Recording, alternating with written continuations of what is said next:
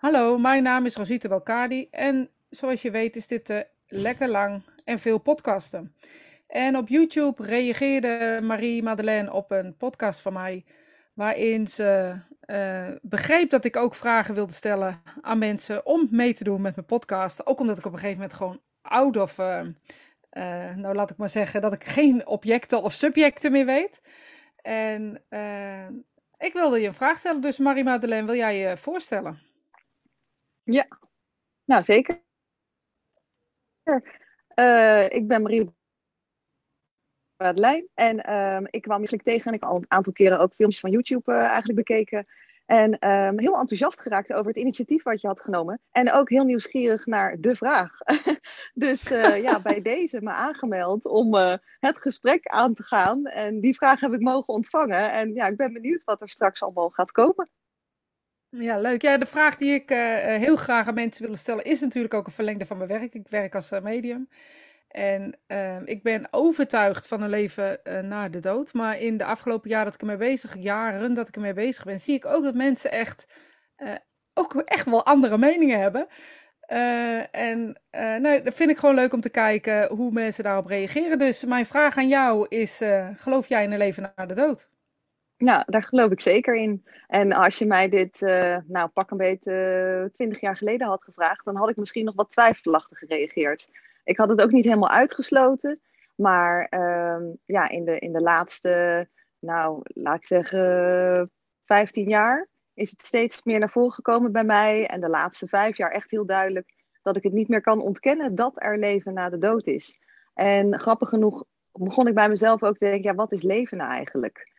Uh, plastisch gezien is dat je hart dat klopt en je, je hersenen werken en je kan meedoen in de maatschappij. Maar um, naar wat ik voel bij degenen die al zijn overgegaan en als we daar uh, verhalen over horen of, of uh, contact mee kunnen maken, merk je dat zij degene zijn die leven. En, en waarom zeg ik dat? Omdat wij als mens te maken hebben met het lichaam, wat de fysieke ongemak geeft.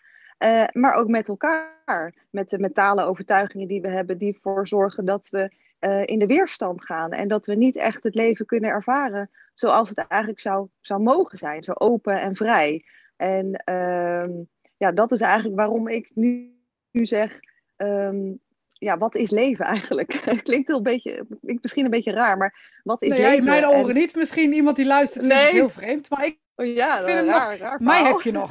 Oké, okay, goed. Maar ja, ik geloof, om, om kort te zijn, ik geloof in, in leven na de dood. En dan met de dood bedoel ik, hè, je hart niet meer klopt en je bent niet meer levensvatbaar voor in, op de fysieke aarde rond te lopen. Maar daarna vallen dus de, de, de ongemakken die je hebt, of de, de weerstand die je tegen bepaalde dingen hebt, die vallen weg.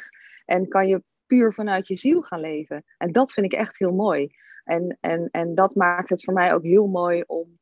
Uh, ik heb zelf ook inmiddels de, de, de rijkdom mogen ervaren om contact te kunnen maken met uh, overleden dierbaren en ook bij anderen. En de inzichten die dat met zich meebrengen, maken dat je leven nu, als ik vanuit mijn persoonlijke ervaring spreek, rijker worden. En je ziet de wereld ook breder en, en dus ook minder beperkt. En je leeft ook meer en je geniet ook althans ik hoop dat ik dat doe, meer geniet van het leven. Ook van die hele kleine dingen die er zijn. Ja. Um, waardoor je ook echt het gevoel hebt van ja, ik, ik, ik mag er zijn en, en ik mag elke dag weer dankbaar zijn dat ik, dat ik wakker ben, dat ik opsta. Uh, en, en dat ik weer mijn bijdrage mag leveren. Want zo sta ik in het leven in ieder geval. Dat ik een, een, bijdrage heb, mag heb leveren. Jij, en heb jij het idee ja. dat, dat dit, de, hè, want jij heeft heel, hebt het heel erg over het spiritualiseren van je leven eigenlijk. Ja. Um, um, heb jij het idee dus dat het contact uh, sec met, het, met con, contact met overledenen daarbij toe heeft gedragen dat je meer inzicht hebt gekregen in um, hoe vergankelijk het eigenlijk is? Zeg je dat eigenlijk? Dus door te weten dat het ooit stopt, dat ja. fysieke stuk, ja, ben je daar dan weer gaan ja. genieten? Ja. Ja, mooi. Ja, dat wel. En ook eigenlijk dat ik, um, ja, dat we zo beperkt kunnen denken hier. Klinkt een beetje raar, maar. Uh, nee, ja, ik dat denk dat ik heel goed begrijp wat je bedoelt. Bijvoorbeeld, ja, om, om echt iemand lief te hebben en om met compassie naar elkaar te kijken. En uh, uh, en, en vaak, hè, stel op aarde, hebben mensen een veten tussen elkaar. En die kunnen elkaar niet luchten of zien, maar ze zijn wel familie van elkaar. En heel veel ongenoegen en ellende eigenlijk, maar dan een van de twee, of wellicht ook beide, die komen te overlijden.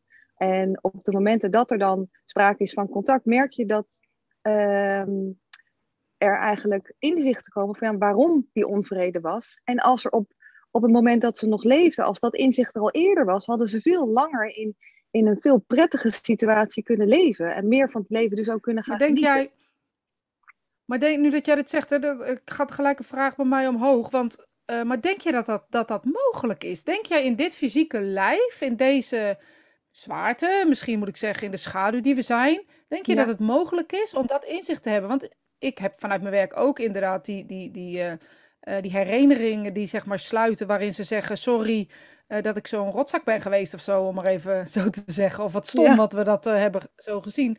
Heb je daar misschien die inzichten in de spirituele wereld voor nodig? En kunnen wij met dit lichaam, met deze beperking, zo noem ik het altijd maar, ja. kunnen we dat wel echt zien zo, ten volle?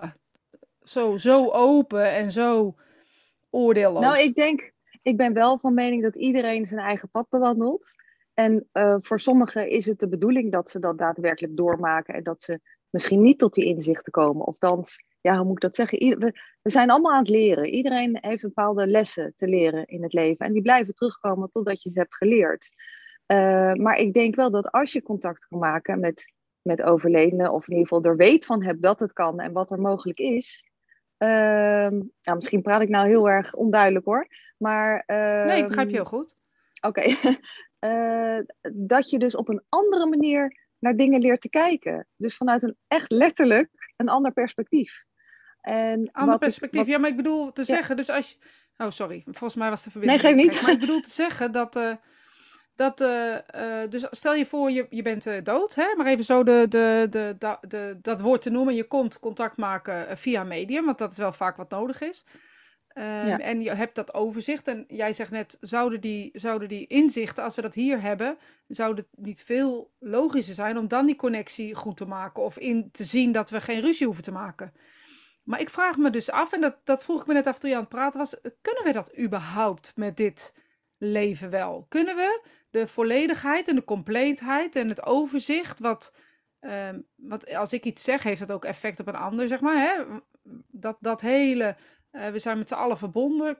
Kunnen we dat zonder, of misschien wel met, um, met die wetenschap. Ja, hoe moet ik dat nou zeggen? Vanuit de spirituele wereld zijn we zo compleet en zien, overzien we zo het echte geheel. Ik denk, mm -hmm. heel eerlijk gezegd, dat wij, ook al denken we hier dat we het misschien weten, um, dat, we, dat we geen idee hebben. Dat we echt niet, dat we beperkt zijn, echt met alles wat ja. we zijn. Dus volgens mij kunnen we hier op dit, deze aarde, zeg maar even, in dit leven, niet leven zonder dat, ja, nou, geestige misschien wel, of um, uh, ja, andere pijn nou ja, doen, helaas. Ja. Want, ja. Uh, ik denk wel dat, dat die kanten, laat ik zeggen, dan die, die negatieve kanten of die schaduwkanten, juist de precies, uitnodiging ja, zijn. moeilijk. Ja, nou, het is maar net hoe, hoe geef het beestje een naamje. Maar de, laat ik zeggen, de dingen die je niet van jezelf leuk vindt, of die je niet wil, of waar je moeite mee hebt, dat het eigenlijk uitnodigingen zijn om uh, beter naar jezelf te kijken. En dat zijn ook die lessen die we te leren hebben. Dus um, bijvoorbeeld een kind wat pest. Nou ja, laat ik zeggen een volwassene die dan pest. Kinderen, dat is dan net even een stapje te ver. Maar uh, die vervelend gedrag vertoont naar een ander, dat, is, dat, kan, dat komt vanuit een negatief, dat is negatief gedrag. Maar dat heeft ook weer ergens mee te maken. En dat kan je zien als een uitnodiging als je aan jezelf wil werken als een uitnodiging om te kijken, nou, waar komt dat eigenlijk vandaan? En vaak ligt er iets aan ten grondslag, um, waardoor als je dat weet, dat je um, jezelf weer kan gaan helpen en daarmee ook weer je omgeving. En, um... okay, nu ben ik advocaat van de duivel. Nu, ja. ik, ik, ik hou wat van advocaat van de duivel zijn, dan Heel weet je goed, vast. ja, dus altijd scherp blijven. ja, echt hè. Stel je nou eens voor uh, dat de schaduwbrenger in dit geval, dus de volwassen pester, uh, je een dienst bewijst door te pesten, omdat um, uh, dat bij jou dan ook iets uitnodigt om daar naar te kijken ja. in jezelf. Ja. Dus kunnen we zonder schaduwkanten op deze aarde? Zou dat kunnen? Nee. Zou het, nee, zou het de bedoeling ik zijn? Dat, ik denk het dus niet. Nee, ik denk het ook niet. Ik denk dat ja, dat juist de aarde is. Dat zijn de lessen die we te leren hebben. En hè, voor degene die dus pest als die zich wil ontwikkelen, dan kan hij gaan kijken, ja, waarom pest ik eigenlijk? Maar voor degene die gepest wordt, is het bijvoorbeeld een uitnodiging om te gaan zeggen, ehm, ik moet voor mezelf gaan staan. Ik moet assertiever worden. Althans, ik wil assertiever worden, want ik wil niet meer dat dit mij wordt aangedaan. Dus dat is weer dienstles. Dus zo hebben we allemaal, zal maar zeggen, dader, slachtoffer, een rol te vervullen op aarde. En, ehm, en dat, ja, ik wil niet praten over goed of slecht. Kijk, normaal nee, gesproken zijn de daders slecht, maar um, als je het voor jezelf ook bekijkt, van ja, ehm, ook met de, met de gedachtegang van ja, alles gebeurt met een reden. Dus ook de quote-unquote negatieve dingen, dat verzacht het feit dat het is gebeurd of dat je er middenin zit. En dat maakt het niet makkelijker, maar voor, voor mijn gevoel geeft het een soort van verzachting. En um, hè, wel, bijvoorbeeld terug te komen op dat pesten. Ehm, eh, stel je bent degene die gepest wordt het, het is nog steeds pijnlijk. Het is heel vervelend. Het kan op allerlei manieren binnenkomen, maar dat is vaak of fysiek of verbaal. Veel meer hebben we eigenlijk niet te maken met pesten. Um, en ho alhoewel dat nog steeds heel vervelend blijft, als jij erin kan gaan staan en gaan kijken, die ander doet dat niet om mij persoonlijk echt een uh, pijn te doen, maar dat komt vanuit dienstpijn, dan creëer je al een soort van uh, filter ertussen, waardoor het bij jou veel minder binnenkomt. En uh, hè, net als dat je naar een film zit te kijken als een toeschouwer in de zaal. En nogmaals, dat maakt niet vervelend dat het gebeurt, maar je hebt meer uh, compassie eigenlijk. En dat is denk ik waar het ook over gaat. Meer compassie voor de ander. En vervolgens ook een uitnodiging om met compassie naar jezelf te kijken. Hè, dat het niet door in de slachtofferrol te gaan zitten, maar door te gaan kijken van oké, dit is gewoon heel vervelend dat dit met mij, uh, wat dit met mij doet. Maar het is ook weer een uitnodiging om te gaan kijken, oké, uh, en, en echt heel kritisch te gaan kijken, hoe kan ik anders in het leven gaan staan, waardoor ik minder uh, ten prooi val aan dat soort pestgedrag? Of hoe kan ik de ander juist uitnodigen om, om naar zichzelf te gaan kijken, degene die dat doet? En, uh, en, ja, en dat vind ik dus ook een, uh, een, een dus eigenlijk... Ja, meer nou ja, rijkdom, zal maar zeggen, die, die ontstaat. omdat je van perspectief. Ja, ja, omdat je perspectief uh, verbreedt. En dat is ook wat het contact met uh, overleden dierbaren doet. Ja. ja, dus eigenlijk zeg, kunnen we wel concluderen dat we zowel schaduwbrengers als lichtbrengers zijn. Ja, aan beide dat kanten. elk individu op welke manier dan ook licht zal brengen, schaduw zal brengen. Ja, ja. mooi. mooi. Ja, en ik denk inderdaad ook dat, uh, dat als we dood zijn, we pas echt begrijpen uh, welk, welk, licht we hebben geschenen of zo, zeg maar. Ja, en waarom en waar dingen... ook of zo, hè? Dat, ook ja. bedoelden we het nog zo goed. Ja, precies. Ja, ja. ja want ook jouw goede intenties kunnen bij een ander weer verkeerd uitpakken. Dus onbewust zijn we toch Zeker. enigszins een dader, CQ-slachtoffer in dat geheel. En dat is, ja, als je praat over dualiteit... daar ben ik echt van overtuigd. Dat zit in ons allemaal. Exact. Nee, ja, ja eens. Ik, eens. Eens. Ja, ik denk echt dat we allemaal lichte schaduwbrengers zijn. En um, om even zo te zeggen, we zijn allemaal degene die op welke manier dan ook andere ervaring mogen geven. Jij noemt het lessen, ik noem het altijd ervaringen. Ja, ja. Uh, waarin je dus elkaar ervaringen geeft om, om, om ook weer naar jezelf te kijken. Net zoals wij uh, een gesprek hebben, waardoor we allebei weer uh, misschien wel over dingen na kunnen gaan denken. Of tenminste, zo werkt mijn hoofd altijd. Ja. En ik heb het idee dat jij niet veel anders bent. dat we dan toch ook weer verder kunnen of zo. En, uh, ja. ja, toch? En het lijkt ja, dat me, is wat we het willen. lijkt me heel. Laten we in ieder geval afspreken.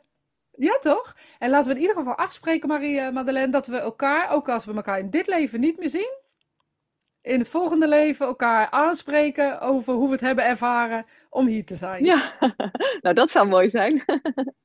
ja, zeker. Ja, of niet? Kunnen ons het schelen? We ja. spreken het gewoon ja. af. Doe gewoon. dat we dan samen gaan kijken naar, naar, naar onze schaduwmomenten en naar onze lichtmomenten kijken. denk ik, nou, dan hadden we beter uh, even wat anders kunnen doen. ja, precies. Ja.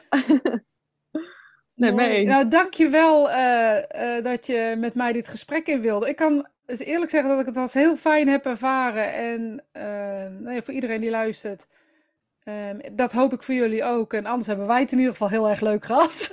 Ja, zeker. Dan kunnen we daar nee, een conclusie Ik vind het altijd leuk om te praten. Dus uh, geef mij een onderwerp. Maar vooral dit onderwerp ja, spreekt me gewoon heel erg aan. Omdat, ja, wat ik zeg, als je het me tientallen jaren geleden had gevraagd, dan had ik er niet zoveel mee gehad. Maar nu sta ik er zo voor open. En ik vind het alleen maar mooi dat ook jij uh, dit uh, openstelt voor iedereen om naar te luisteren, om kennis mee te maken op een hele laagdrempelige manier. Maar ook met de, ja, de humor en de nuchterheid die jij toch daarin brengt, uh, kan ik alleen maar waarderen. Dus uh, ik vind het leuk dat ik daaraan bij mag dragen op deze manier.